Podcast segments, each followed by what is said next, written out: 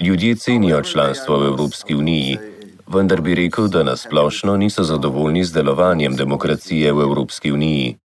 Se pravi, če imamo opravka s voljivcem, ki ga volitve ne zanimajo, ki ga politika ne zanima, ki je, če rečemo, v tem zornem kotu apatičen, pa ga kljub temu prisilimo na nek način, da se volitev udeleži, je lahko njegova volilna izbira narejena popolnoma na ključno. Pozdravljeni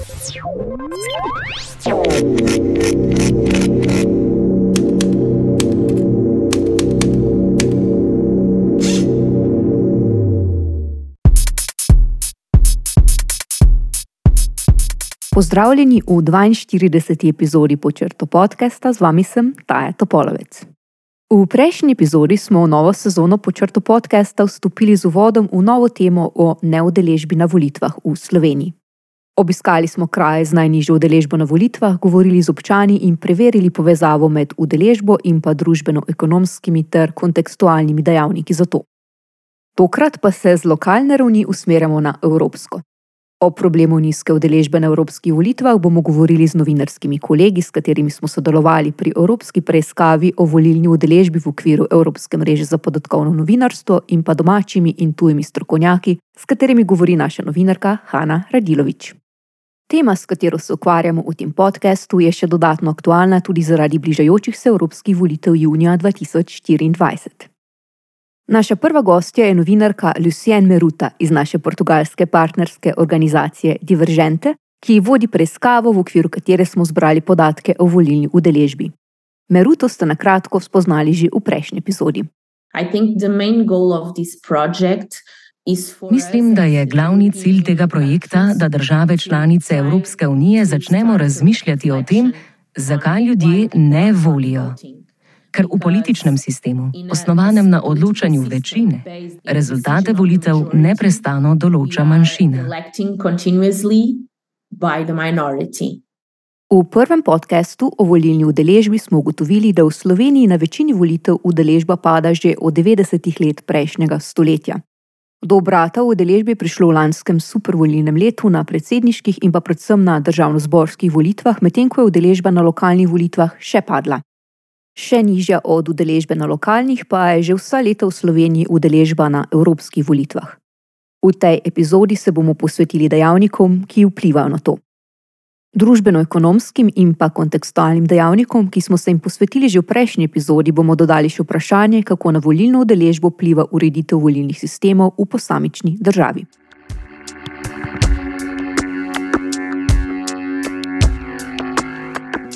Udeležba na evropskih volitvah se v Sloveniji vsa leta članstva od leta 2004 naprej zadržuje pod eno tretjino volilnih upravičencev. To pomeni, da v Sloveniji v povprečju več kot milijon dvesto tisoč volilnih upravičencev ne sodeluje pri izbiri poslancev v Evropski parlament. Če primerjamo podatke, neudeležba na evropskih volitvah presega udeležbo na državno-zborskih volitvah v Sloveniji. Postavimo te podatke še v evropski kontekst.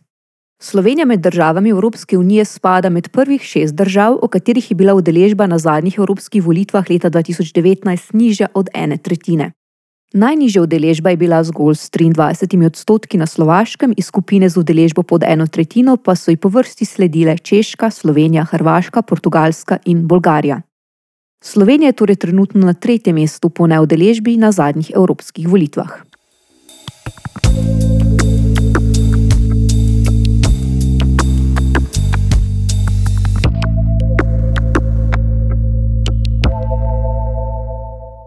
V skupini držav z volilno udeležbo pod eno tretjino, med katere spada tudi Slovenija, posebej izstopa Portugalska, saj gre za dolgoletno članico Evropske unije, ki na volitvah v Evropski parlament sodeluje vsaj 17 let dlje kot druge države iz te skupine. Govori Meruta. Looking at the, the data we collected, Če pogledamo podatke, ki smo jih zbrali o evropskih volitvah, smo na zadnjih volitvah na petem mestu s skoraj 70-odstotno volivno abstinenco.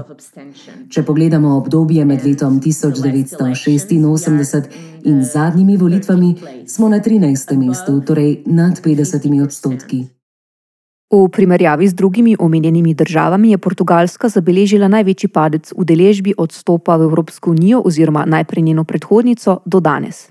Če je še v 80-ih udeležba na evropskih volitvah na portugalskem znašala dobrih 70 odstotkov, se je na zadnjih nekaj volitvah razmerje med udeležbo in neudeležbo popolnoma obrnilo.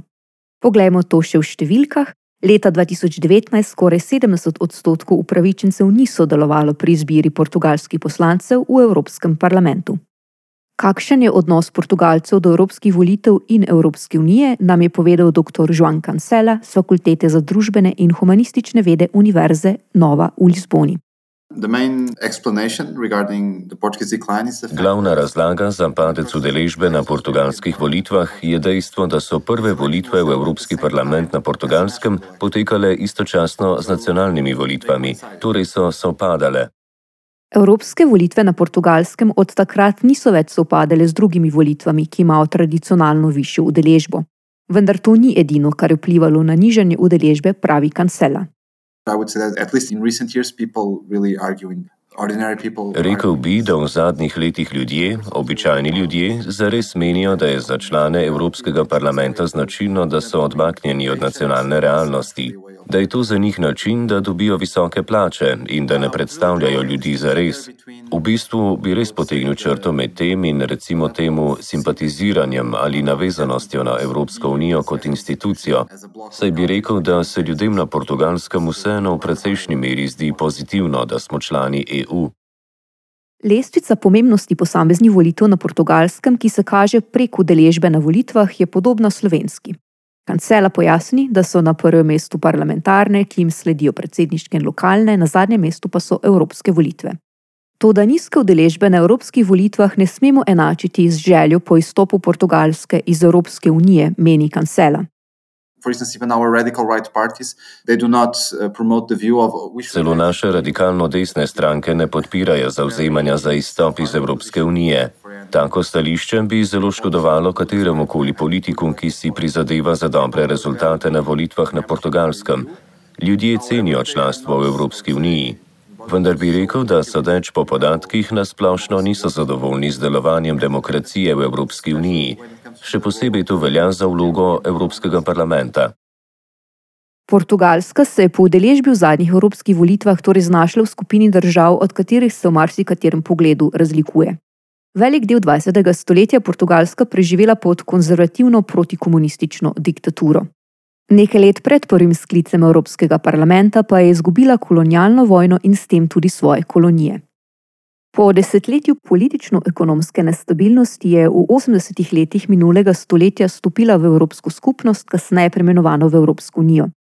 Slovaška, Češka, Slovenija, Hrvaška in Bolgarija so po drugi strani v 90-ih letih šle skozi postsocialistično tranzicijo in Evropsko unijo stopile šele v novem tisočletju. Ja, to je zanimivo vprašanje, ker po eni strani bi rekel, da se portugalski primer zdi, To se zdi v primeru Portugalske bolj koherentna zgodba, saj gre bolj za ekonomsko stagnacijo v primerjavi z državami, ki ste jih pravkar omenili, ki so zgodbe relativnega uspeha po evropskih merilih. Tako da rekel bi, da sta to dve različni tirnici, ki pa se verjetno združita v isto točko relativnega, ne nelagodja, ampak vsaj relativnega nezadovoljstva s tem, kako Evropska unija izpolnjuje svoje obljube. V zadnjih desetletjih je odnos med Portugalsko in Evropsko unijo močno zaznamovalo obdobje finančne krize in varčevalnih ukrepov, ki so ji sledili. Še vedno so prisotne posledice krize iz let 2011, 2012, 2013 in načina, kako se je odvila v šipkejših ekonomijah in v državah, ki so se znašle v šipkejšem položaju med tisto kritično konjunkturo. Tu je pospešeno tudi vzorce selitev, ki so pripeljali do izseljevanja pomembnega dela najbolj izobraženih generacij. Skupne točke Portugalske in nekaterih drugih držav z najnižjo udeležbo na evropskih volitvah se tako kažejo v družbeno-ekonomski obrobnosti v primerjavi z drugimi državami Evropske unije, v katere se posledično izseljujejo mlajše generacije, meni naš sogovornik Kancela.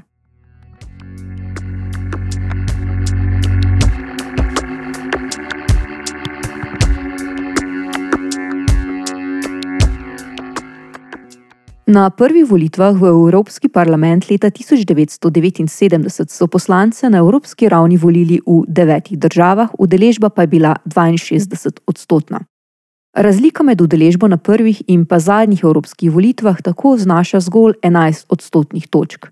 Izstopa pa ugotovitev, da je udeležba z vsakim mandatom Evropskega parlamenta skoraj 40 let neprestano padala, vse do leta 2019, ko se je dvignila za 8 odstotnih točk glede na leto 2014. Vendar pa je udeležba na evropskih volitvah še vedno nizka. Zadnjih evropskih volitev se je na ravni celotne Evropske unije udeležila zgolj polovica volilnih upravičencev, to pomeni, da skoraj 200 milijonov volilnih upravičencev ni volilo. Govori Meruta.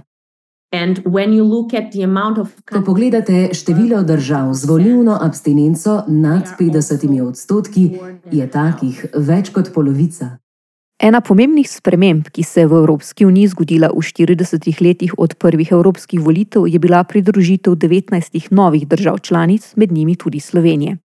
Ko pogledamo države, v katerih se večina upravičencev udeležuje evropskih volitev, opazimo, da jih večina spada med države, ki so bile med prvimi devetimi članicami Evropskega parlamenta. Ena od prvih članic je bilo tudi Združeno kraljestvo, ki je na evropskih volitvah sodelovalo tudi še v letu 2019, preden je izstopilo iz Evropske unije. Ko pogledamo primerjave na evropski ravni, imajo vzhodne države in države z novimi demokracijami više ravni abstinence na vseh volitvah. To so naprimer Bolgarija, Romunija, Slovaška, Češka.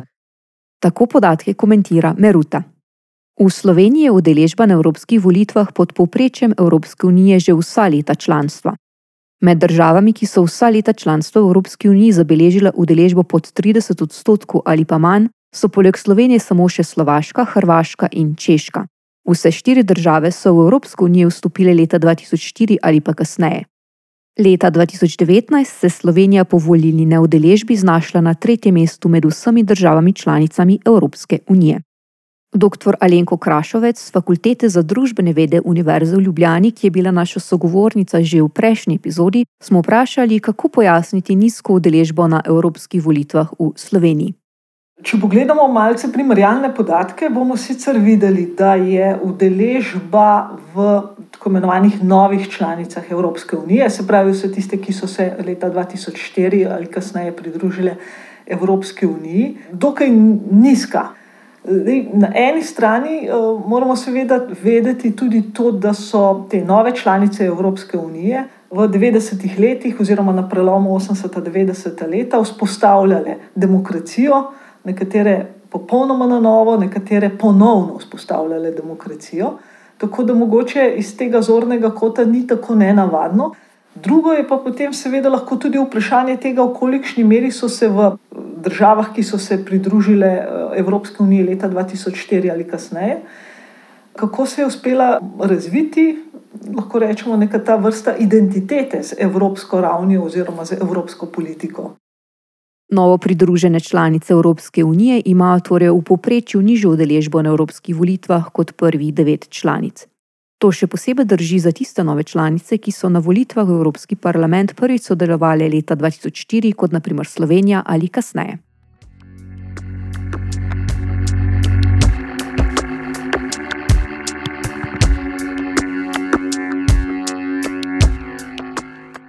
Vendar pa v politološki stroki pojasnevanje volilne udeležbe s pomočjo delitve na tako imenovane nove in stare demokracije ni enoznačno sprejeto.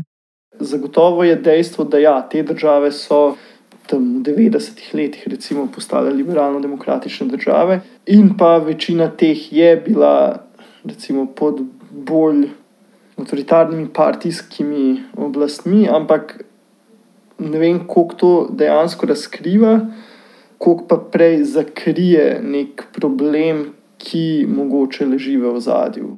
Naš sogovornik je dr. Marko Hočevar, prav tako so fakultete za družbene vede Univerze v Ljubljani.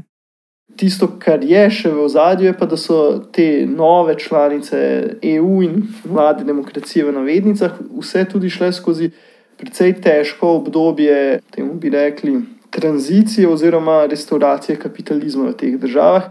Hkrati v teh državah torej se je ta vsa državna lastnina, v Sloveniji, recimo na prostoru bivše Jugoslavije, družbena lastnina, privatizirala skozi krajo in zelo dvomljive privatizacijske postopke, kjer je peščica bogatih obogatela, velika večina ljudi pa je živela precej slabše kot recimo v socializmu. Skupni imenovalec držav, kot so Poljska, Hrvaška, Romunija in Bolgarija, je tudi velik delež izseljencev, kar dr. Hočevar izpostavi kot pomemben dejavnik za znižanje volilne udeležbe. Po razpadu socialističnega bloka je vedno več držav začelo vstopati v Evropsko unijo. 2-4 je recimo, bil predstavljen kot nek velik dogodek v teh državah. To je bila velika obljuba, da okay, zdaj bomo malo potrpeli, bomo vstopili v ta izbrani klub v navednicah razvitih demokratičnih držav in zadeve se bodo rešile same od sebe.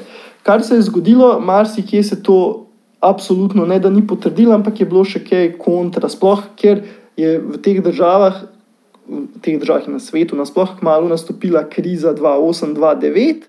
Dr. Hočevar v zvezi s tem izpostavi rast neenakosti v Sloveniji, razvidno iz spletnega zbira podatkov World Inequality Database. Dohodkovna neenakost med zgornjo desetino in spodnjo polovico prebivalstva Slovenije se je najbolj povečala najprej v 90-ih, nato v letu 2004 in spet leta 2010, tik po začetku finančne krize. Obenem je poprečna udeležba celotne Evropske unije na evropskih volitvah padla na najnižjo raven prav med finančno krizo leta 2009 in v času sledečih varčevalnih ukrepov leta 2014. Od takrat naprej v tistem času se tudi Evropska unija absolutno ni izkazala kot neka socialno-solidarnostna inštitucija, ki bo zdaj razumela potrebe in interese Grkov, recimo Portugalcev. Ne, skratka, obstaja cel eh, nek eh, niz nekih drugih ekonomskih, družbenih mehanizmov, ki močno vplivajo na, na volilno udeležbo.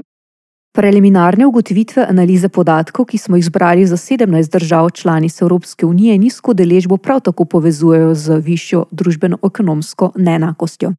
Govori Meruta.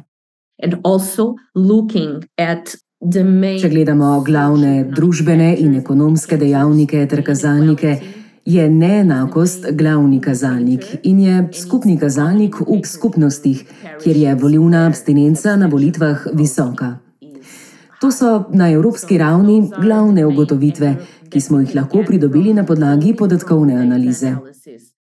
Skladni s temi ugotovitvami so tudi podatki javnomnenjskih raziskav. Junija objavljena javnomnenjska raziskava Eurobarometer je med anketiranci med drugim preverila, kako pogosto imajo težave s pokrivanjem gospodinskih stroškov.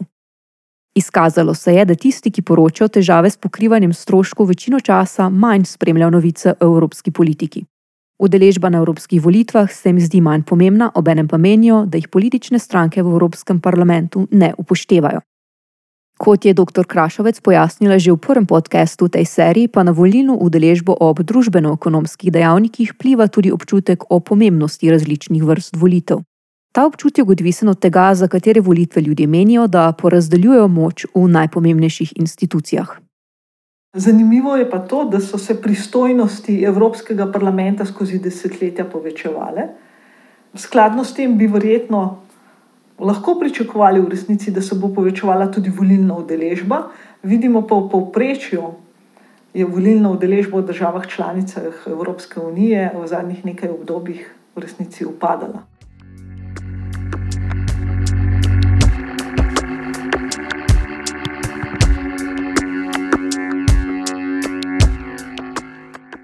Do sedaj smo se v tej miniseriji o volilni udeležbi posvečali predvsem družbeno-ekonomskim ter pa nekaterim kontekstualnim dejavnikom.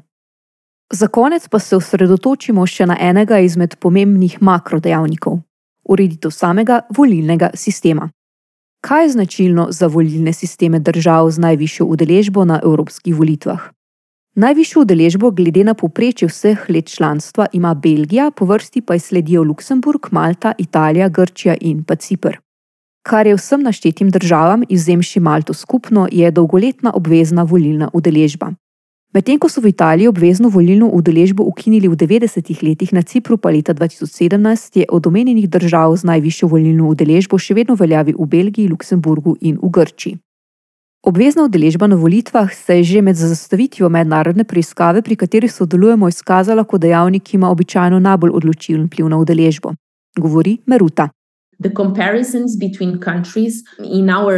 Primerjave med državami so po našem razumevanju mogoče samo med volivnimi sistemi, ki so si podobni, torej z ali brez obvezne volivne udeležbe.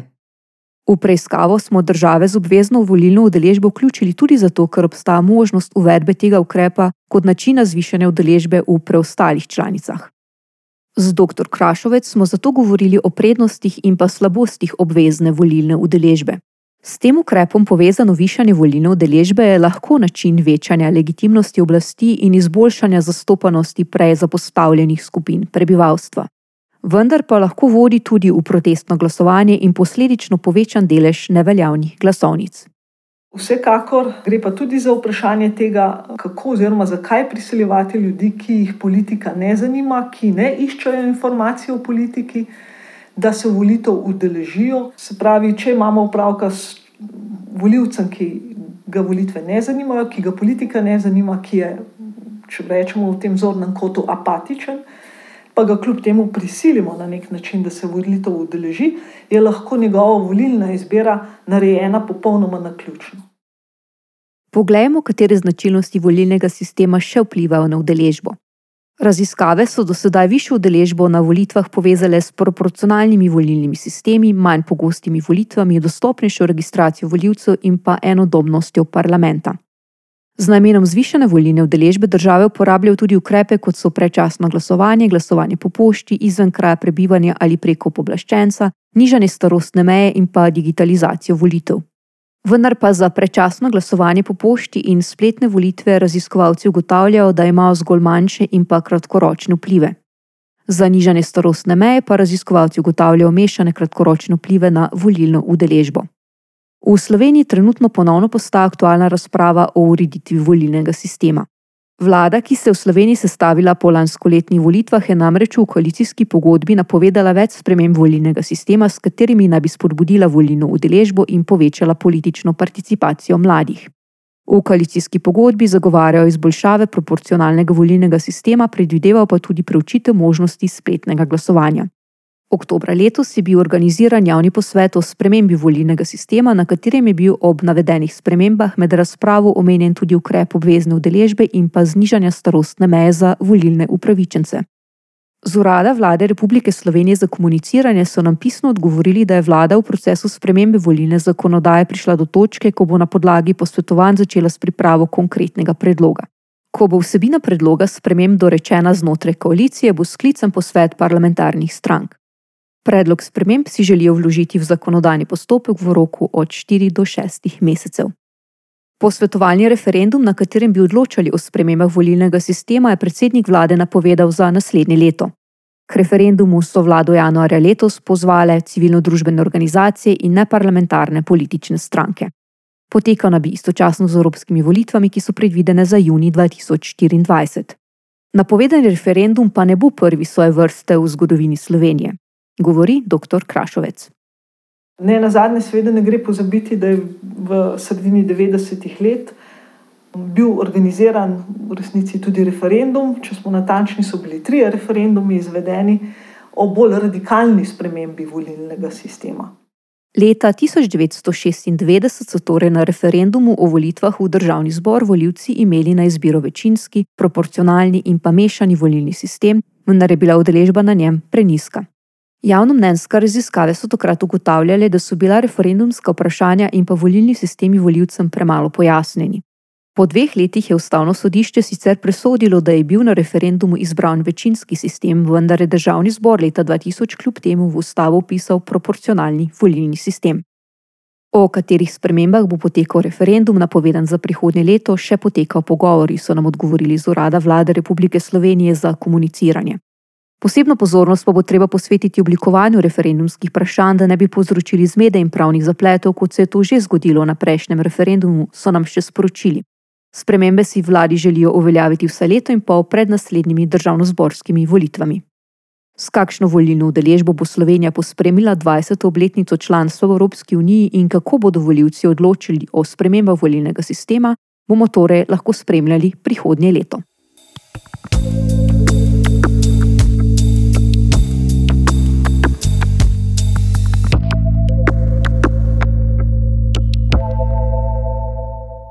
To je bila 42. epizoda počrtu podcasta, z vami sem bila Taja Topolovec. Ker pa je to zadnja predpraznična epizoda, vam želim v imenu celotne počrtu ekipe vsem lepe praznike in srečno novo leto. Veseli smo, da ste bili v tem letu z nami, če pa so vam naši podcasti všeč, bomo veseli, če njihovo nastajanje podprete z donacijo po svojih zmožnostih. Kot vsako leto smo našo letno podpri počrto kampanjo zagnali na spletni strani podcrto.si pošiljnica podpri. Hvala.